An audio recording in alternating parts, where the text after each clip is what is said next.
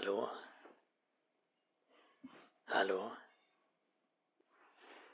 Det här är X22 som anropar försvunnen astronaut.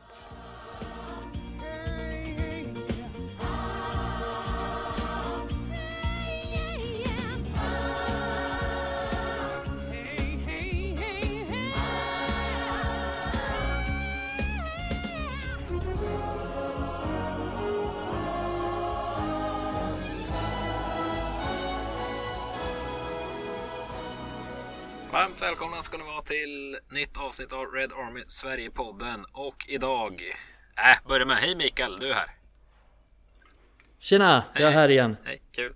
Som vanligt. Men jag tänkte starta stort, men vi måste dra med Mikael också i podden ändå kände jag. Men vi har med oss våran käre Adam. Hej! Tja! Kul! Vill du, Ja, det tycker jag vill med. du presentera dig för lyssnarna? Vem är du? Ja. ja, mitt namn är ju Adam.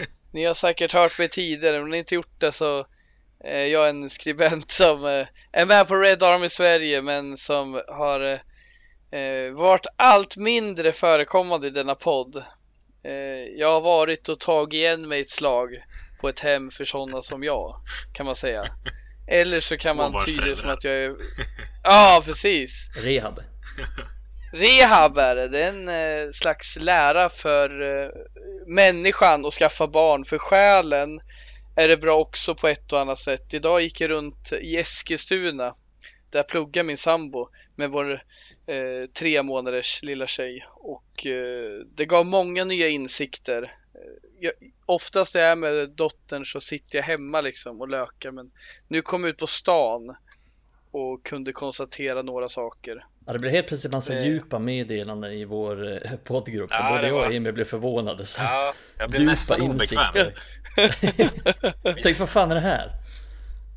Ja, ja, jag delar ju några tankar där gjorde jag. Mm. Det var allt från linguistik till eh, hur vackert det är med gamla gubbar som klär upp sig fint och går ner på stan klockan 11 en vardag. Det är något det är jag så jävla vackert tycker jag. Ja, jag med. Det, du skrev väl det också att när det, när det är dags, när man blir riktigt gammal, då ska man... Då är det finkläder på bara man ska ner på tobacken liksom. Ja, Ja, ja, och det ska vara mustasch på läppen och det ska lukta rök om den där kavajen han har på sig. det är Adam, Adam är med det. 100% basker när han blir gammal. Det är 100% Mm. basker. Ja, men jag, Finns säga, inget annat. jag äger en basker, men jag får inte Ja. ha den på mig för min sambo, för hon tycker den är så sjukt ful. Jag äger ingen Ja, du- basker för att jag skulle vara så sjukt ful igen. Då kan jag låna din Emil ett tag. Ja, Så kan du få låna gökboet av mig. ja, jag Kan vi byta det? fortfarande inte sett den faktiskt, jag skäms. Men jag, jag sökte Ja. faktiskt på den för ett tag sedan, men då blev jag irriterad för här, SF Anytime skulle ha 99 spänn för att jag skulle få se den här filmen i 24 timmar. Riktigt svagt. Tanka ner den bara. Ja. Pirate Bay för fan. Sånt skulle jag aldrig Jag hålla på med. till dig. Förlåt. Får du kolla den på ditt gamla Xbox 360 eller vad fan du har. Glöm, glömde bort att vi spelar in här. Det är olagligt att tanka ner från Pirate Bay så det ska ni inte alls göra. Nej. Nej, det har jag aldrig gjort heller. Någonsin i hela mitt liv faktiskt. Inte jag heller. Nej. Men ska jag berätta en sak jag gör nu som jag aldrig trodde jag skulle göra? Jag sitter faktiskt och avnjuter en A-bro faktiskt. Åh, och det trodde jag inte jag skulle göra. Den är faktiskt god. Den är prisvärd. Den är precis som jag vill ha en lager. Den ska vara lite Janne Andersson. Inte så jävla mycket konstigheter. Och törstsläckande. Och ljus. Och den är god. Den är skitgod. Kan rekommendera alla där. Men Ja. som vi har sagt tidigare. Vi är ju inte sponsrade Återigen. av än. Ja, men för att vara en, alltså det är inte den godaste ölen som finns, men för att vara den pris, det är den billigaste ölen du kan hitta på bolaget, då är det kanon alltså. Ja. Mycket bra. Ja. Ska de ha. Eh, jag tänkte att jag skulle säga något kul eh, innan du eh, berättade att du drack en Abro. Då tappade jag fattningen helt här. Ja, du blir helt ställd. Ja, det blir jag du faktiskt. Men eh, Du kul. kände att det började dra i tarmen. Fan skulle vi ha en Abel? Ja, är ju. Nej, jag, jag äter två... Jag tryckte två kanelbullar innan vi tryckte på räck här. För det är kanelbullens dag här. eh, Vi spelar in på måndagen. Så, Så jävla basic. Ja, men jag, jag hade ju bakat dem själv. Det måste ju ändå tillföra någonting. Nej, det gör fan inte. ja, det ska du fan ha att du har gjort själv.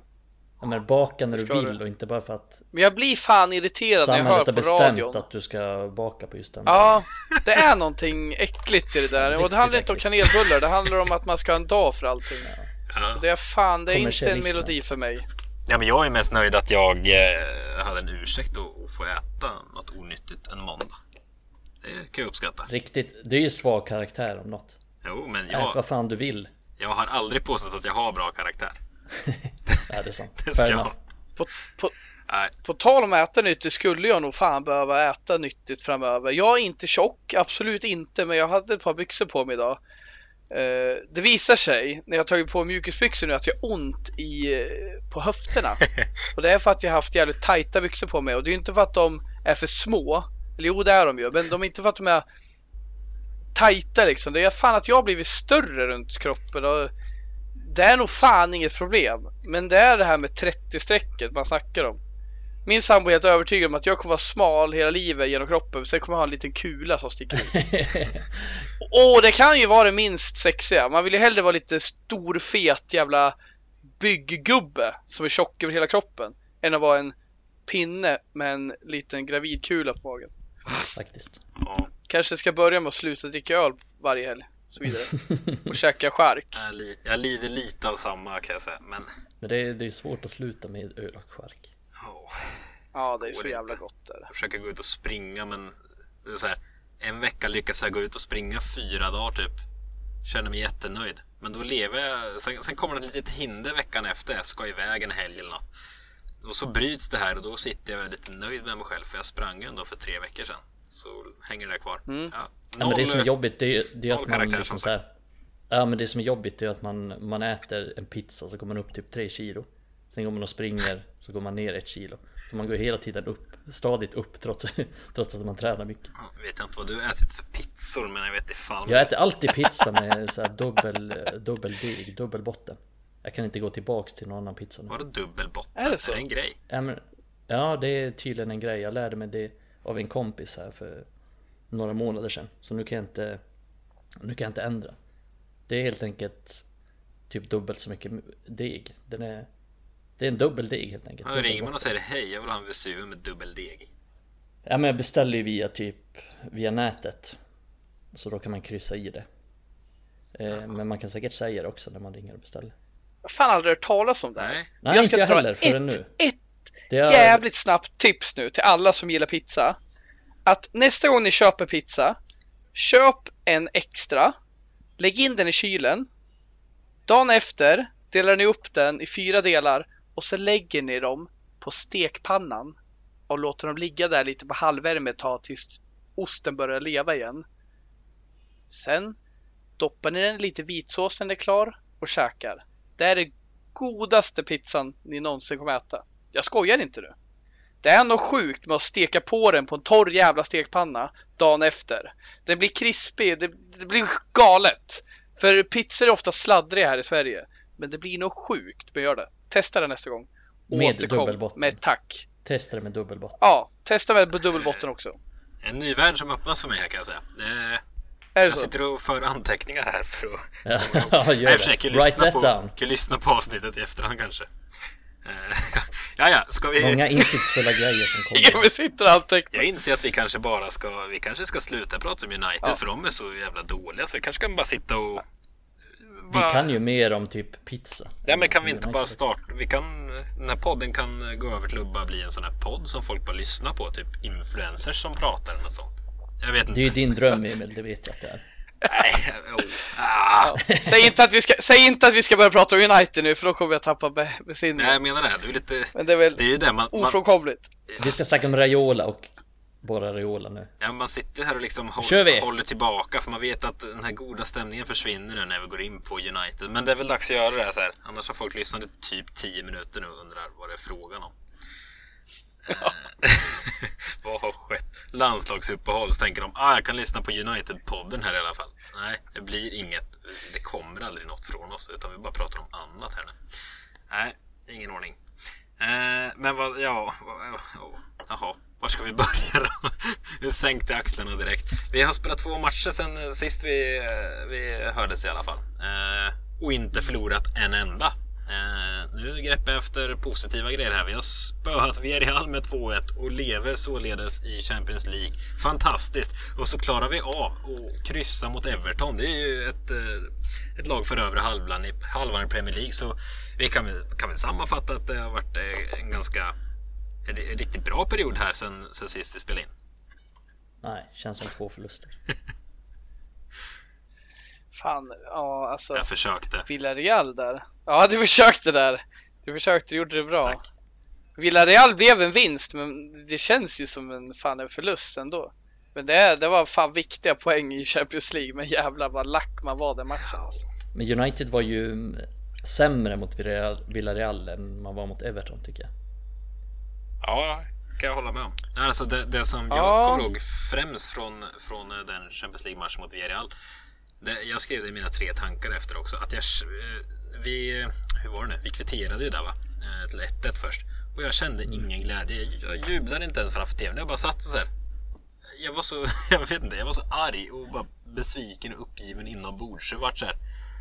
Nej, jag kunde inte ta mig för att jubla. Och det tyckte jag sa väldigt mycket. Sen när, när Ronaldo avgjorde det där sista som hände, typ, då är det klart jag jublade. Men eh, samma där alltså. Det var inte så här. Avgör man så sent, ni vet, det är ju de mest euforiska liksom, jublen man, man bär med sig genom hela livet tänkte jag säga. Det är ju sådana sena avgöranden. Men det här blev inte ett sånt för mig, även att det var ett så sent avgörande. För jag, äh, någonstans kände jag fortfarande, jag vet inte, jag var lite tjurig fortfarande. Jag tror inte du är ensam om just det här hur man upplevde Tellesmålen. typ I, I 93 eller någonting. Tänkte jag, äh, det är väl ingen idé att leta upp en ny stream med två minuter kvar. Här kommer absolut inte hända någonting. Så lät det bara vara, sen såg jag på Twitter att det blev 2-1. Ja, men, men det här Telles målet, jag tror du, det var fler nog som upplevde som det Emil. Man var så förbannad innan det målet att det fanns liksom Ja men man var så förstörd för tillfället för vi var så ruskigt dåliga innan vi gjorde Telles drömmål. Men sen när Ronaldo gjorde mål då var det ju ja som många gånger förr avgöra på på tillägg. Eh, det är alltid en fantastisk känsla men det är samma som Mikael där att det laggar sönder för mig. Eh, men alltså jag tror inte du är ensam med det Emil. Det är nog inget du behöver skämmas för heller för det var en fruktansvärd insats. Och eh, jag tycker det var så tydligt att Unai Emery, det är ingen tränare jag tycker är helt fantastisk. Men jag trycker faktiskt rent taktiskt är han ju bra mycket bättre än Solskär i den matchen.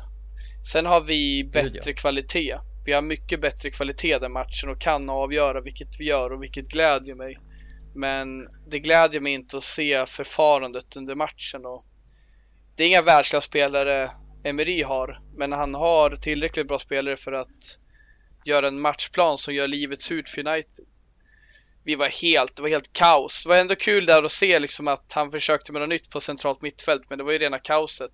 Det Det var McTominay, ni får, mist- ni får påminna mig, McTominay och Pogba var det då Ja. på centralt mittfält. Ja. Det var ju bäddat för liksom, eller jag kan ändå tänka så innan matchen För senast när vi mötte Villarreal då hade de ingen större ambition av att anfalla De hade egentligen ingen snabb spelare på i sina omställningar heller Och nu har ju inte jag så bra koll på Villarreal Tyvärr, men jag blev lite överraskad över att de, de spelade så offensivt Faktiskt. De Eller- spelade eller- en bra eller fotboll. här De spelade bättre fotboll än de gjorde i finalen. Ja, det det de var verkligen. bra spel från dem tycker jag också. Ja men alltså inte överraskad i sig för att jag tycker att de gör ju helt rätt liksom. Har man någon slags kvalitet så ska man spela exakt sådär mot United. För att United är extremt sårbara på omställningar. Speciellt den här säsongen. Men jag trodde inte riktigt de hade det i sig. Jag trodde de skulle spela på likadant. Alltså typ på samma sätt som de gjorde i finalen. Men det gjorde de inte. Men alltså jag har ju tappat det lite på så sätt att alltså, men Diogo Dalot var ju fruktansvärt dålig. Framförallt första halvlek. Alltså det var ju jag vet inte om jag någonsin sett en så individuellt usel insats från en United-spelare, ärligt talat. Men, alltså jag, jag har... Jag vet inte om man tar honom i försvar lite, men alltså jag har ändå kommit till någon punkt här att jag orkar inte sitta och såga individuella spelare i det här United längre, för det är inte det som är problemet. Alltså, Nej, alltså jag känner samma. Diogo Dalot är kanske inte en högerback för, för ett topplag i Premier League. Nej, det, det kan vi landa i. Men, men liksom, eh, det, det, det finns spelare i de andra topplagen som inte heller är det alla dagar i veckan kanske. Eh, alltså, jag vet inte. Hade du... Ta någon Reece James i Chelsea. Han hade kunnat se lika usel ut som Dalot om han fick ta på sig en United-tröja. Det, problemet är det större. Så kände jag i alla fall. Eh, eller alltså, hur kände, alltså satt ni där också och kände att nej, Dalot ska hängas. Det är hans fel att matchen har blivit så sned för han har inte en suck. Alltså jag vet inte. Jag... Nej. Alltså jag känner ju att eh, jag håller ju med er i sak att eh, jag hörde att Mikael höll med där. Jag, jag tycker vi kommer dit att ja, han är dålig absolut, men kan vi verkligen skylla på han och alla andra som spelar på centralt mittfält? Är det verkligen fel på alla bla bla bla? Ja, vi har sämre spelare, vi har bättre spelare. Men jag tycker som er, nej, man går inte att kritisera i all evighet som jag, jag skrev en tweet om det. Man kan kritisera Diego Dalot i all evighet för han är usel. Men det är inte det som är grundproblemet.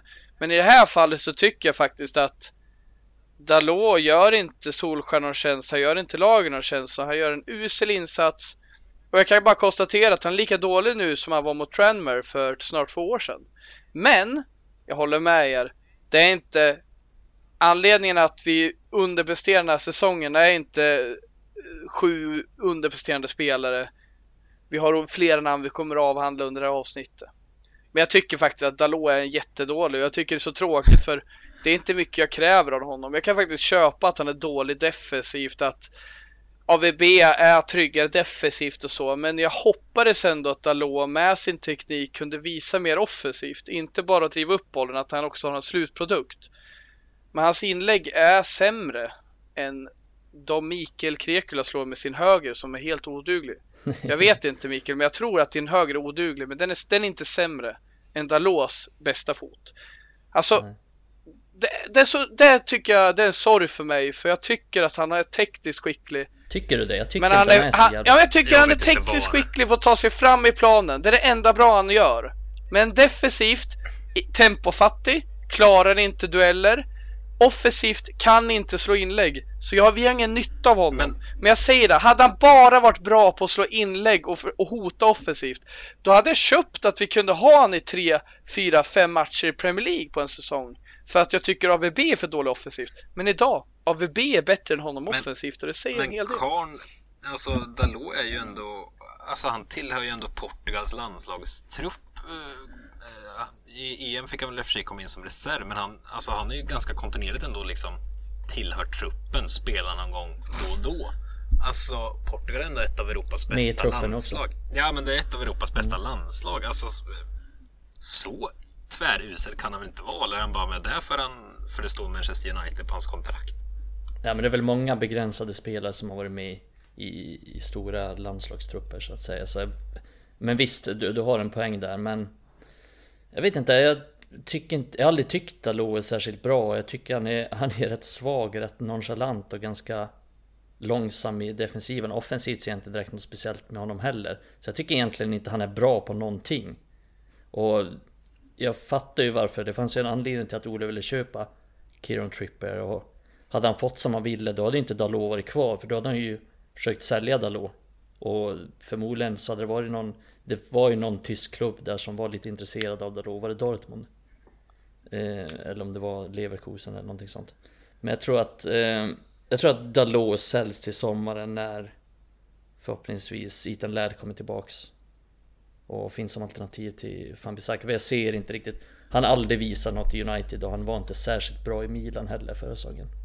Så jag ser ingenting riktigt som får honom att ha en framtid i United. Och vad det verkar så är han rätt illa omtyckt av United-spelarna också. Jag läste en artikel för ett tag sedan nu i och för sig i The Athletic. Som, som menar på att han är rätt arrogant och ignorant och att han inte är så omtyckt i omklädningsrummet. Ja, herregud. Herregud ja. Fel person att vara arrogant. Ja. Nej, men, han, nej, men, jag tycker, men det kan ni ändå se är... när ni ser honom på planen. Ja, men, uh... Man kan ändå se att han är lite den typen. Han utstrålar inte Jag, jag kan se att han har varit där liksom, för han kändes kaxig när han kom, men jag tycker med Han borde vara ödmjuk när han knappt Ja, det klarar han en vara. från Tranmere liksom. Men det, borde han vara. Men jag säger det. det, han är lika dålig nu som han var i FA-cupen för två år sedan. Ja, han han. utvecklas inte tillräckligt mycket. Nej. Och, Och jag det är klart att, vi sätter krav på dem. Nej precis, och, och som jag sa innan, jag tror att han kommer säljas när Ole får in ett alternativ som reserv till Van Bissaka. För det har han inte, det är enda anledningen till att han är kvar. Det är för att Ole inte har något annat alternativ på högerbacken.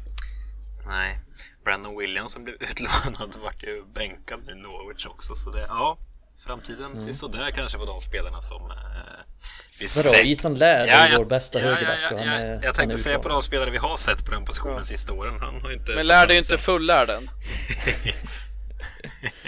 mycket, Han är, oavsett om han är full lärd, han är full när han spelar så är han bättre än vad alternativen har. Ja, ja, ett ruggigt bra skämt. Jag sitter och ler med hela kroppen men jag vill inte skratta. Ja, det är klart det är det jag vill. Jag vill inte skratta för mycket för ja, jag är svag där. Men eh, vi ska släppa Dalot lite kanske. Det är kanske inte tycker det mest intressanta för folk att höra. Jag tänkte först att vi skulle hålla isär liksom, och diskutera Villarreal för sig och Everton för sig, de matcherna. Men jag, jag inser ju när jag läser lite punkter som vi har att de går ju att... Det går att applicera på båda matcherna, allting i princip. Alltså... Ja, vad ska vi börja med? Eh, David de Gea. Ja, det är lite sorgligt också, men man är tillbaka i att han är vår klart bästa spelare och det säger någonting. Det är skitkul att han har kommit tillbaka och verkligen steppat upp igen. Eh, det ska vi förtydliga. Men, ja, men ni kommer ihåg för ett par år sedan då när det var så här. Man kände, hade vi haft en, en eh, normal bra Premier League målvakt så hade United knappt kommit på övre halvan i, i tabellen liksom. Eh, och det är, jag vet inte, jag känner att det börjar landa där igen snart. Ja, var det då sjut- eh, säsongen 17-18 när Mourinho kom tvåa som han var helt jävla otroligt bra och tog, tog nästan den platsen på, på egen hand känns som. Var någon matcher mot Arsenal, det är fan det Arsenal, ja det var det sjukaste jag sett. Det är fan det sjukaste. Men det tycks ju jag vara så att eh, de Gea, han är ju bara bra när United är dåliga. Sen när United är Nej men lite på uppgång och lite rätt Ganska bra, då, då blir han sämre Av någon anledning Ja. Men ja, nej men det är Det är klart Jag tycker ju Jag tycker de Gea var vår bästa spelare den här säsongen och, och det säger ju ganska mycket också om hur Mycket vi har släppt till och hur, hur vårt spel har sett ut och då får vi ändå ha i åtanke att Vi inte har mött särskilt bra lag heller Hittills den här säsongen Alltså det sjuka är att det går inte att Det går inte att skylla ett enda mål på honom den här säsongen. Det är klart jag har inte hundra koll men när jag tänker efter alla mål jag kommer ihåg. Det går inte att skylla något på honom. Han har varit exemplarisk. Jag tycker det finns ingen anledning att eh, klaga på honom liksom. Jag har ju jag har ju min åsikt om honom i det långa loppet. Eh, jag snackade inför säsongen om att jag tycker Henderson är värdig etta men idag finns det. Det finns liksom, om vi bara bortser från det här snacket om Hendersons fysiska tillstånd. Bara den grejen gör ju att Henderson inte är med i leken som första målvakt. Men om vi bortser från det så spelar det ingen roll ändå. Han förtjänar att stå. Han, han har gjort väldigt bra ifrån sig och bevisat sig. Jag tycker, eh, som Mikael eller du var inne på Emil, det, det är inte bra någonstans heller att målvakten är vår bästa spelare. Det är aldrig positivt. Det är inga som vinner ligor eller vinner kupper där målvakten vann det åt dem liksom över eh, 6 till eh, 38 matcher. Det är en indikation på att vi har problem. Men jag är glad idag att eh, vi har de Gea för han gör att vi fortfarande är med mm. i liga. Vi är fortfarande med. Vi är piss. Vi, vi har inte varit tillräckligt bra. Men vi är fortfarande med för vi har de Gea i mål. Han har varit helt galet bra. Ja, men det är just det. Jag sitter där och funderar nu.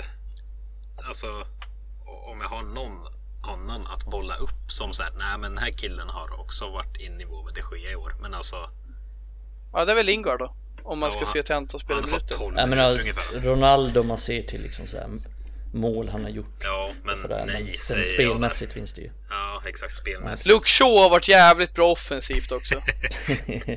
Ah, Luke Shaw och Harry Maguire, de två bästa här Ah. säsongen. Nej, sluta. Men har vi någon lyssnare som kommer på någon annan får ni ju skriva en kommentar om ni har någon att bolla upp mer Ja men just, eh, Jag vet inte. just Ronaldo är ju en sån där som han, han har ju varit, Han har ju varit bra men det har ju inte slagit galna gnistor om honom liksom. Men det tror jag kommer faktiskt. Men, hade han inte gjort eh, målen tycker, så hade ju folk tyckt att han har varit helt värdelös.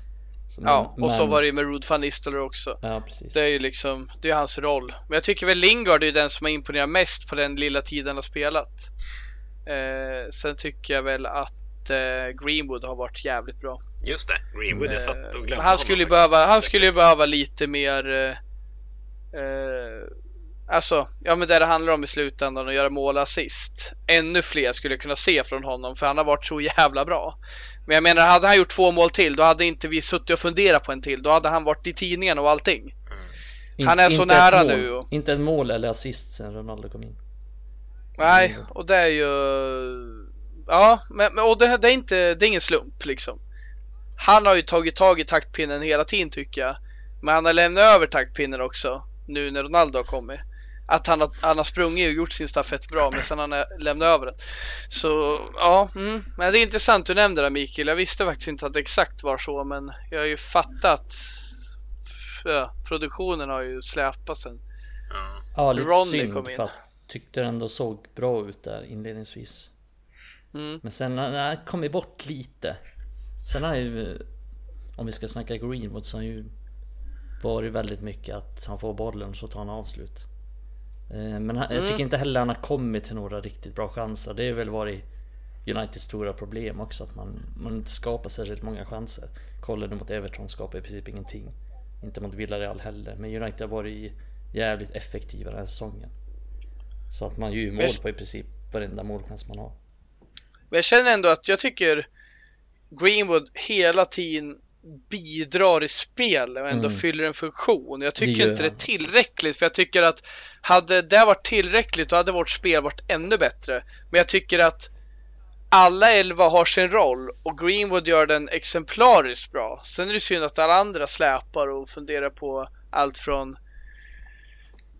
eh, Max Hamburger restaurang till eh, fan vet jag vad våra sopor tänker på. Men jag tycker att Greenwood gör sin roll. Han bidrar i länkspelet. Han är rörlig. Han passar. Han gör bra. Vi snackar om hockeyassist. Finns det? Finns det inte? Skitsamma om det finns. Han gör sådana grejer.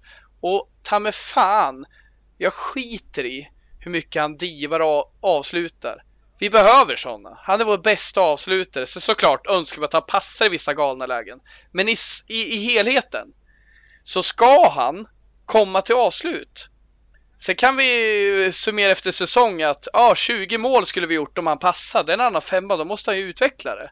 För han kommer i sådana lägen. Men han ska avsluta.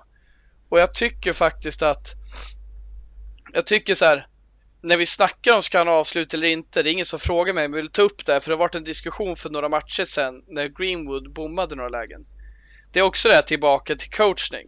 Jag tror ju Greenwood har fått i, i uppgift att, vet du vad, du är en av våra främsta offensiva spelare. Du har den bästa avslutningsfoten av alla.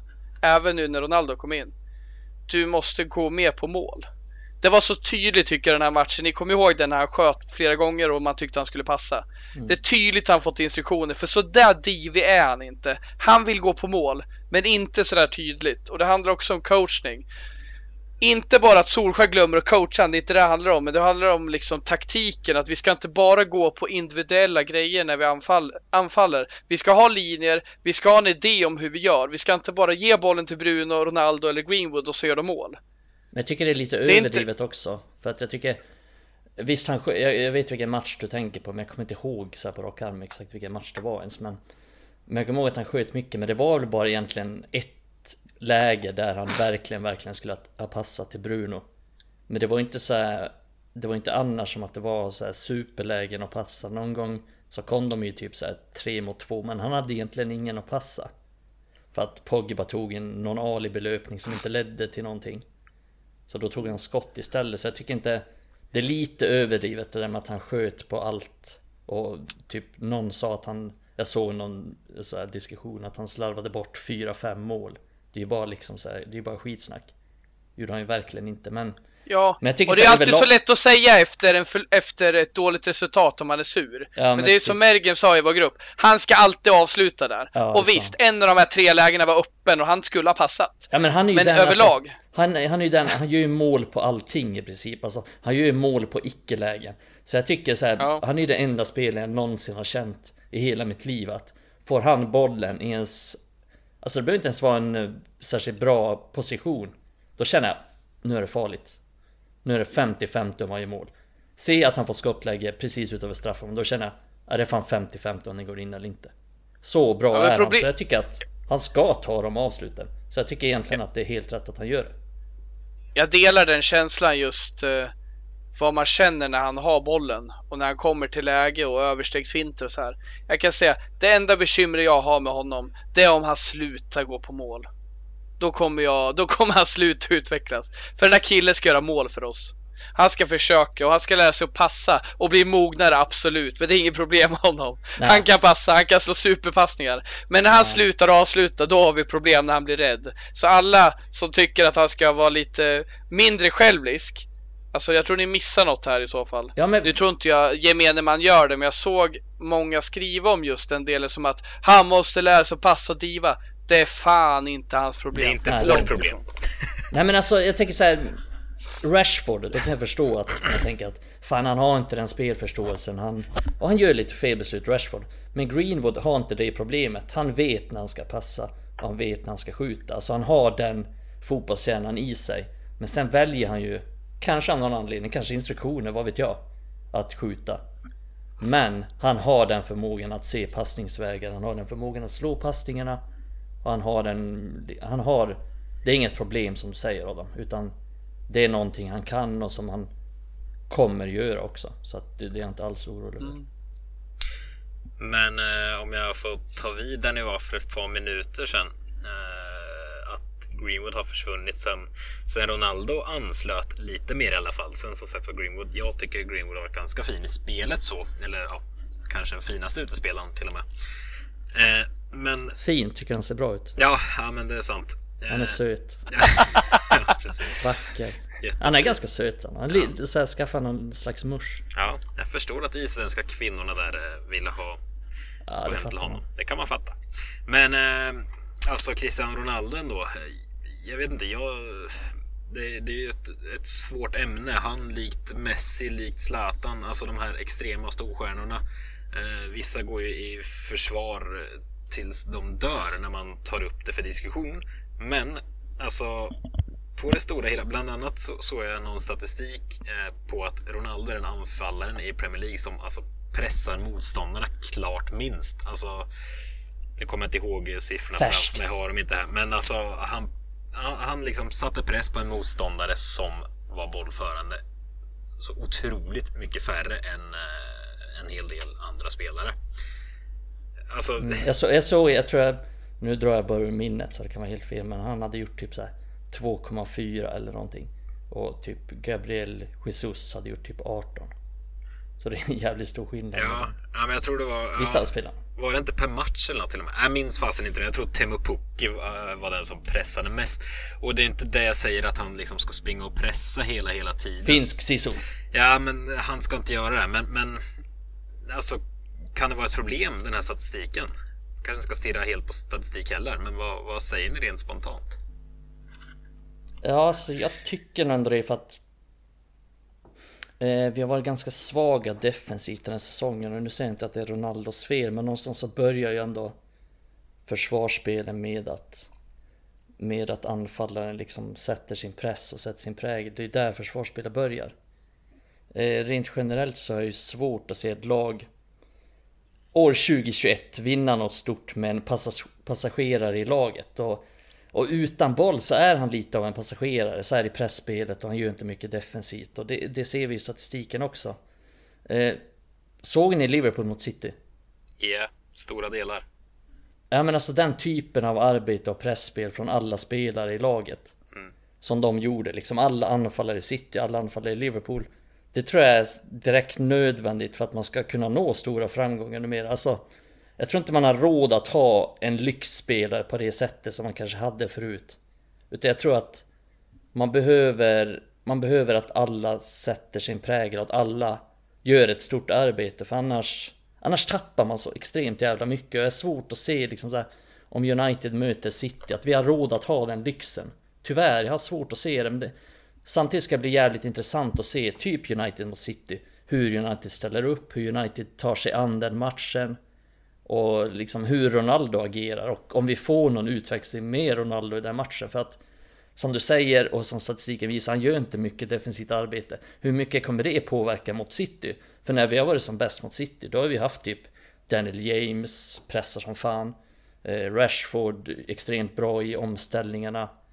Eh, vi har haft Martial kanske som, som center som är snabb ändå liksom i, i omställningarna. Och Ronaldo har ju tappat en del i snabbhet så det, jag kan inte se honom sprinta liksom. Kommer ni ihåg det här målet vi mot Arsenal i Champions League? Det har inte riktigt i sig längre. Utan han är ju en annan typ av spelare, han är en boxspelare som... Tror... Och kommer vi få den typen av möjligheter mot City? Jag vet, jag vet, inte, jag är fan osäker. Men jag är jävligt spänd på att se hur det kommer se ut. Mm. Uh, så att... Jag kan säga så här. De här matcherna United spelar nu. Det har varit mot lite sämre motstånd. Vi, vi har ofta haft ganska mycket boll. Vi hade väl typ... Ja men över 60% mot Everton senast. Då kan jag ändå se, då, då är Ronaldo bra. För att då får vi in kanske, nu blev det inte riktigt så, men i teorin så får vi in mycket bollar i boxen. Vi har ett stort spelövertag. Och så vidare och så vidare. Men när vi inte har det, hur, hur kommer det se ut då? Det är, det är jag nyfiken på att se. Mm, jag tycker Mikael är inne på... jag är osäker på om det blir särskilt bra helt enkelt, tyvärr. Jag tycker Mikael är bra, för, för det där du härleder till Emil det är ju liksom, det är ett bekymmer för vi vill ju pressa och ett presspel det förutsätter ju att alla är med och jobbar. Vi jobbar som en enhet. Om det så är 4 och 4 eller 3 och 3 på en kant eller centralt. Eh, och att hela laget fyller på. Men jag tycker väl så här att eh, om vi ser till honom eh, eh jag, jag har nog inget problem med det förutsatt att han, vi säger att han gör 20 mål, 25 mål den här säsongen då bidrar han med målproduktion som gör att vi kan vinna ligan. Alltså, han genererar någonting som ger oss eh, framgång. Men gör han bara 12 mål den här säsongen och sen inte pressar, ja, men då är vi ju en Martial-nivå. Alltså vi måste ju, vi måste ju få ut jävligt mycket ur en annan post om vi ska om vi inte ska kalkylera att han pressar på det här sättet. För vi är ju ett sånt lag framförallt med vår bristande taktiska upplägg att vi, vi kommer ju behöva de här tillfälligheterna. Jag tycker vi hade dem mängder av gånger mot Villa, men vi hade inte eh, ja, vi hade inte flytet med oss som vi brukar kunna ha. Vi får massa möjligheter till kontra och det vill komma till liksom. Ronaldo, inga problem om han inte pressar, men då måste han göra jävligt mycket, mycket, mycket mål för att kompensera med det. Och Gabriel Jesus däremot, han gör inte så jävla mycket mål, men han är eh, väldigt viktig i pressspelet och duktig i pressspelet. Mycket bättre än Agüero. Mm. Men, men det är olika roller, så det är väl det jag vill se. Se mm. att han gör 25 mål den här säsongen, då ser jag ingen anledning till att peta nästa säsong för att ta nästa steg i vårt taktiska upplägg. Men som sagt, med det lilla förbehållet, men jag håller med Mikael att det är ett problem om men eh, jag, jag, tror att Ronaldo kan rädda upp det. Jag tror han kan det. Men det är ju mm, ofta... Mm, alltså exakt, det är svårt att sitta här liksom och, och klaga på honom. För jag tror, jag tror inte Ronaldo kommer göra 12 mål. Jag tror att han kommer göra 25-30 mål. Eh, men det är, det är det som gör det så komplext. För att jag är ju fortfarande inte, trots att han gör det, så är jag inte säker på. Och det har vi sett, tycker jag, bevis på den här säsongen. Att trots att han har gjort många mål, och han har gjort fem mål. Så har vi ju inte liksom, vi har varken fått särskilt bra resultat, men framförallt inte spelat särskilt bra. Och jag tänker bara så här, när Ronaldo var senast i United, inga större jämförelser eftersom han var en helt annan spelare då, men men då hade vi ändå typ så här Rooney, Tevez som kompenserade lite för att Ja men Ronaldo var ju lite av en lyxlirare då också, han jobbade inte så mycket hem Och satte ingen mm. större press då heller eh, Men då hade vi den typen av anfallare som gjorde ett stort jobb Så då kanske vi skulle behöva ha, säg att Ronaldo inte jobbar så mycket, då kanske vi skulle behöva ha Cavani på topp Eh, Ronaldo på någon slags vänsterytterposition. Men hur blir det då i defensiven? Liksom på, på den vänsterkanten. Det är, vi har ju redan nog stora problem med att, med att vi åker på mycket omställningar. Vi släpper till väldigt mycket chanser. Alltså, den här säsongen hittills Vi har aldrig släppt till så många chanser. Sen liksom... Ja men någonsin typ. Om vi kollar på Fergusons sista säsonger släppte vi in typ jag tror att det var 1,03 per match och 1,05 per match. Under David Moyes så var det 1,26. Under van Gaal 1,37 och 1,34. Under Mourinho 0,84, 1,50, 1,71. Sen under Solskär 1,33, 1,32 och sen förra säsongen 1,61 och nu hittills den säsongen 1,86. Så att vi släpper till väldigt mycket chanser och ser vi på Solskärs två senaste säsonger nu så släpper vi till mer än någonsin egentligen. Eh, så att vi behöver kunna kompensera för Ronaldos icke-arbetande på något sätt och det är väl det han någonstans försöker göra med Fred och McTominay centralt men det räcker ju inte. För att ingen... Eh, vi har, alltså om vi ser på våra anfallare nu Greenwood jobbar inte särskilt mycket. Rashford har varit tidigare rätt slö i hemjobbet. Sancho jobbar inte heller så mycket. Cavani pressar visserligen, Bruno pressar visserligen. Men ofta så har vi ändå typ Sancho Greenwood på kanterna eller Sancho Rashford eller Greenwood Rashford. Och ingen av dem jobbar särskilt mycket hem och de verkar inte heller få några instruktioner att göra det. Så då... Det resulterar ju liksom i att vi, vi åker på mycket omställningar och vi men, lag som Everton och Aston Villa kan spela igenom oss gång på gång och skapa extremt mycket chanser. Villarreal skapar Man tänker att de ska göra två, tre, fyra mål på de chanser de har. Så det är ju Det är ju största problemet. Att det Jag vet nu säger jag inte att det är Ronaldos fel utan vi släppte till många chanser förra säsongen också men Men någonstans så Måste vi få till något Ett kompakt lag För att liksom för nu har det gått överstyr liksom. Vi blir snudd på utspelade varenda match. Emil, får jag utrymme att ta vid? Kör du, kör du. Alltså, jag, blir, jag, blir så jävla förbannad nu när du nämner det med defensiven, för det är fan precis det största problemet vi har. Absolut alltså vi kan snacka problem. om anfallsspelet i evigheter och det är dåligt och spelet är så här, visst det vet vi. Men defensiven är ett aktuellt problem och det gör mig så jävla galen så här, vi har inte haft problem historiskt att göra mål under Ole. Tvärtom. Vi har nästan gjort för mycket mål sett till vad vi skapar. Vi har haft en jättebra XG brukar vi snacka om. Men defensiven. Den liksom.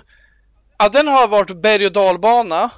Den har varit ja, bra ibland och så bra och dålig ibland och så bra ibland och sen nu. Ett jävla mörker alltså. Det är ett skämt. Vår defensiv. Och jag känner så här det spelar fan ingen roll vilka spelare vi har på centralt mittfält eller i backlinjen. Vi är ihåliga och vi saknar struktur. Vilka spelare vi egentligen använder och det är klart att det har varit bra under vissa perioder. Jag säger inte det, det är inte att allt varit helvete. Men vi har flera matcher förra säsongen vänt från 1-0 underläge eller 2-0 underläge till lika eller vinst. För att vi har en stark, kompetent offensiv spelare för spelare. Men defensiven har mycket mer att önska och det spelar ingen roll om vi har Bajy, Lindelöf, Maguire, Varann. Vi har Varann, en av världens bästa mittbackar, men vi ser fortfarande ut som en hönsgård. Och jag fattar ju att det måste ta tid att leverera en kontinuitet. Men det är ju så jävla mycket junismisstag från centralt mittfält till central backlinje och fortfarande våra ytterbackar kan inte hålla sina yttermittfältare. Jag blir så jävla lack och jag spelar så här. Vi snackar hela tiden om, ja nu kom jag in lite så här. Nej, det handlar inte om spelarna. Ja, Dalot är kass, det är han, det kan jag säga. Han är totalt oduglig. Men det är ett strukturellt problem som vi haft även när vi var titelkandidater under förra säsongen. För vi släpper in många mål, enkla mål, även nu. Och ja, jag vet, jag ser inte slutet på det för vi kommer inte bara vända på det här och bli defensivt strukturerade. Och då har vi ändå en målvakt som håller världsklass just nu. Mm. Ja, men det är lite det är så jävla ja. mycket att jobba på. Det är sannoliken inte materialets problem. Vi behöver inte värva fler backar. Jag mm. lovar er, vi behöver inte värva fler backar. Nej, det är, det är uppenbart att det liksom inte är problemet. Det, det kan vi ju slå fast nu. Det är inte problemet att vi har värvat för lite backar eller för dåliga backar. För jag tycker att liksom så här rent defensivt har vi ju värvat bra. AVB är rätt bra defensivt ändå, det får man ändå säga. Varann, Maguire, det är liksom, det är bra värvningar. Så det är inte det det är fel på. Eh, lite samma där med mittfältet, alltså nu har vi ju Jag tror egentligen inte det spelar så jättestor roll vilka som spelar på mittfältet. Det är ändå så att de slängs ut i hajarna på något sätt och tvingas klara sig själv utan riktlinjer. Och vi, vi snackade lite om det, David sa det förra avsnittet, att McTominay och Fred de spelar för att de springer mest, för att de täcker mest ytor och har bäst kapacitet att göra det. Det är inga särskilt bra fotbollsspelare, men de är mest pålitliga i nuläget att göra jobbet. Och jag tycker lite synd om Fred för att han får så extremt mycket skit. Det är lite han som har blivit hackkycklingen för allt det här. För att allting är ihåligt. Han av någon anledning förväntar sig liksom styra upp mittfältet själv. Eh, och han förväntas ju spela någon slags roll som han inte passar för. Alltså vi snackar om det många gånger i den här podden. Alltså, det har väl varit vårt största tema sen vi startade den här podden. Ankaret.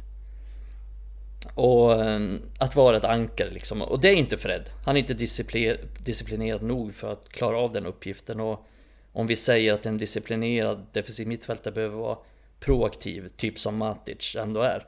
Så är Fred väldigt reaktiv. Han chansar i press och han går in axel mot axel och försöker vinna duellen. Han kanske ska ta en frispark. Lite nu som senast mot Everton. Men används han rätt så är han ju nyttigt. Vilket vi har sett innan. Vilket vi har sett många gånger. Liksom så här, när United väl är ett disciplinerat lag. När United... Men typ... Alltså de här matcherna, City borta innan. När United har varit disciplinerad. Då har ju han varit vår, bland våra bästa spelare. Det är ju för att han har fått, han har fått rätt roll liksom och det har passat honom. Så jag tycker, jag tycker inte att han är bra nog kanske men Men han kan fylla en roll. Och med en, med en bra tränare med bra struktur och organisation Hade jag kunnat tänka mig till exempel att Donny också hade passat bra in. Mm. Eller en sån som Hannibal kanske borde få chansen snart Som ändå är en av Europas största mittfältstalanger. Men, men det händer ju liksom inte och Det kommer inte spela någon roll om vi spelar någon av dem. Det kommer se likadant ut ändå. Och jag tror ju till exempel att Donny van de Beek är rätt körd under Ole. Hans enda chans i United det är ju om Ole sparkas liksom och typ Ten Hag tar över som är holländare eller någonting. Det är ju hans enda chans så att han kommer fortsätta. Det känns, det känns jävla hopplöst när, jag, när vi sitter och snackar om det, när man tänker på det. Att, för vi är så jävla ihåliga. Det, man ser liksom ingen förändring i horisonten. Man ser ingen... Man ser inget ljus i tunneln utan det, det är likadant som som det alltid, som, som det var under Ole. Och det blir nästan bara värre också. Och det, och det har inte riktigt spelat någon roll vilka vi har. Alltså vi kan ha, vi har flera olika konstellationer den säsongen på mittfältet. Vi har haft liksom Fred och Matic, vi har Fred och Pogba, Pogba McTominay. Vi har Pogba, Matic. Alltså det, spelar, det spelar ingen roll. Det ser fortfarande ihåligt ut och ser likadant ut. Så jag, jag, är också, jag är sjukt trött på den här spelare A är inte bra nog. Och det är alltid så här så här uppenbart populistiskt typ att Fred missar en glidtackling. Ja men jävla sopa, han är... Byter vi ut Fred och köper in Tony Kroos då vinner vi ligan och vinner vi allting. Det spelar ingen roll. Det kommer inte spela någon roll om vi byter ut den mot den. Det kommer, det kommer se likadant ut ungefär ändå. Och det är väl en slags hopplöshet man känner, men så tror jag att det ligger till. Så länge, Rant over. Så, länge har jag aldrig varit tyst i podden tror jag, men... Eh... du var ju tyst där som fan, var det en... Ja men det var några avsnitt sen så skrev du typ Det gick ja, 20 minuter, jag fick inte säga Ja någonting. men eh, jag sitter och ser här eftersom jag spelar in här samtidigt så eh, ja jag tror det när det här avsnittet lyssnas på sen, det är nästan upp mot en kvart tror jag där jag inte sa ett ord faktiskt. Men vi får se. Jag tycker vi tar lite paus så kommer vi tillbaks med starka krafter.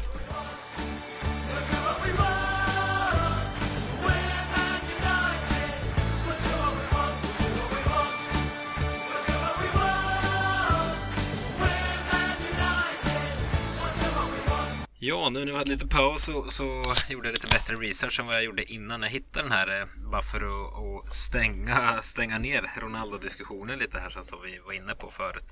Eh, den här med, med pressen som jag pratade om. Eh, det är alltså hur många gånger man pressat en motståndare eh, under 90 minuter. Och Ronaldo har då i snitt 2,7 per match alltså. Eh, den som är näst minst är Saint-Maximin i Newcastle. Han har 5,2. Eh, så det är liksom... Rätt stor skillnad. Ja, det är rätt stor skillnad. Och de som ligger i topp är Wilfried Zaha och Neil Mopay. De har 20 per match. Sen, eh, ja... Brighton kör några extrem pressing. Såg ni matchen mot Arsenal? Ja, Vette vad de... Ja, fan vad bra de var. det- ja där pratar vi Den, tränare sit, som... den sitter om man säger så. Ja, där har vi en tränare som... bollen snabbt alltså. Det finns en Hela tränare tiden. som vet vad han gör där. Eh, Eller vet vad han vill Det skulle vara ett alternativ för mig att Ja, ersätta Ole. Definitivt. När det blir aktuellt. men jag tänkte landa en sak. Jag ser Lukaku är den med tredje minst. Det är Ronaldo och San Maximin. Sen är det Lukaku. Han pressar 6,2 gånger per 90 minuter. Så det är fortfarande ganska ja, mycket fler än Ronaldo om man liksom tänker så. Men Men de, de andra som pressar ganska mycket. va? Ja, jag tänkte det och sen har de också liksom Kanté på, på innermittfältet. Det är ju, ja, så det, Och Kova, det går väl. Kovacic är också ganska Ja, så de kommer väl undan med det det. går ju åt Det är lite liksom. som Mikael var inne på förut där med Rooney under hans dagar. Ja, Det var ju okej att Ronaldo inte pressade så mycket när Rooney pressade för två. Han var över hela planen Ja, liksom. men tänk Rooney och Tevez. Det var liksom en mardröm att, att möta dem. För Mm. de hade ju både, både det pressspelet i sig, den stora arbetskapaciteten, men också riktigt jävla bra spel. ja. Nej, det är lite, lite anmärkningsvärt ändå och kan vara en... Sen, alltså argumentet mot är väl som du var inne på förut också, innan när jag var tyst där ett tag. det, det, det är väl att ja, men många argumenterar ju för att ja, men eh, han ska inte slita ut sig på att- att springa och jaga boll utan han ska vara fullt fit och redo när bollen kommer in i straffområdet. Det är det han är till för. Så det är väl argumentet mot att nej, han kan få stå där och kolla. Men, men jag tänker då att eh, ska man kunna ha den lyxen som det trots allt är, då måste det finnas ett fungerande kollektiv bakom. Det, det gjorde det ju liksom ja, Real Madrid där han var väldigt länge. De hade ju ett superlag och det, liksom, det var ett maskineri som bara tuggade på. Då, då kunde det kanske funka att ha honom så. Eh, men eh, ja, i dagens United, vi har ju varit inne på det lite för många gånger. Det, det funkar ju inte på samma sätt. Eh, Tyvärr. Nej, alltså ju funkar lite ju inte allt, alls Real. ibland och ibland funkar det jättebra. Så den kollektiva pressen finns ju fortfarande mer att önska på. Jag tycker i början mot Everton gör vi det väldigt bra, men sen tappar vi det. Eh, precis som vårt spel tappar syfte eh, under delar av våra matcher. Så Ja. ja. Nej, vi ska inte fastna där. Vi har ju landat i eh, att det finns större problem. vi landat i att vi måste ta tillbaka Rooney om vi ska ha Ronaldo på plan. Nu går vi vidare. Vi har, vi har ju Kai Rooney som gjorde fyra mål för Uniteds uthåll mot Liverpool. Uniteds uthåll förlorade med 5-4 mot Liverpool. Kai Rooney gjorde alla mål. Så där, Exakt. där har vi det nya. Eh, Jag tror han är inne. vänsterfotad dessutom, vilket känns lite udda så här när man... Och Mike Phelan har skrivit på ett nytt kontrakt på tal om utpressning. Eller pressspel. På tal om press ja. Utpressning eller? Mike Phelan har pressat sig till ett nytt kontrakt där. Ja, Undrar vad han har på dem där? fritidsgården. När vi spelar in har det kommit fram att Mike Phelan.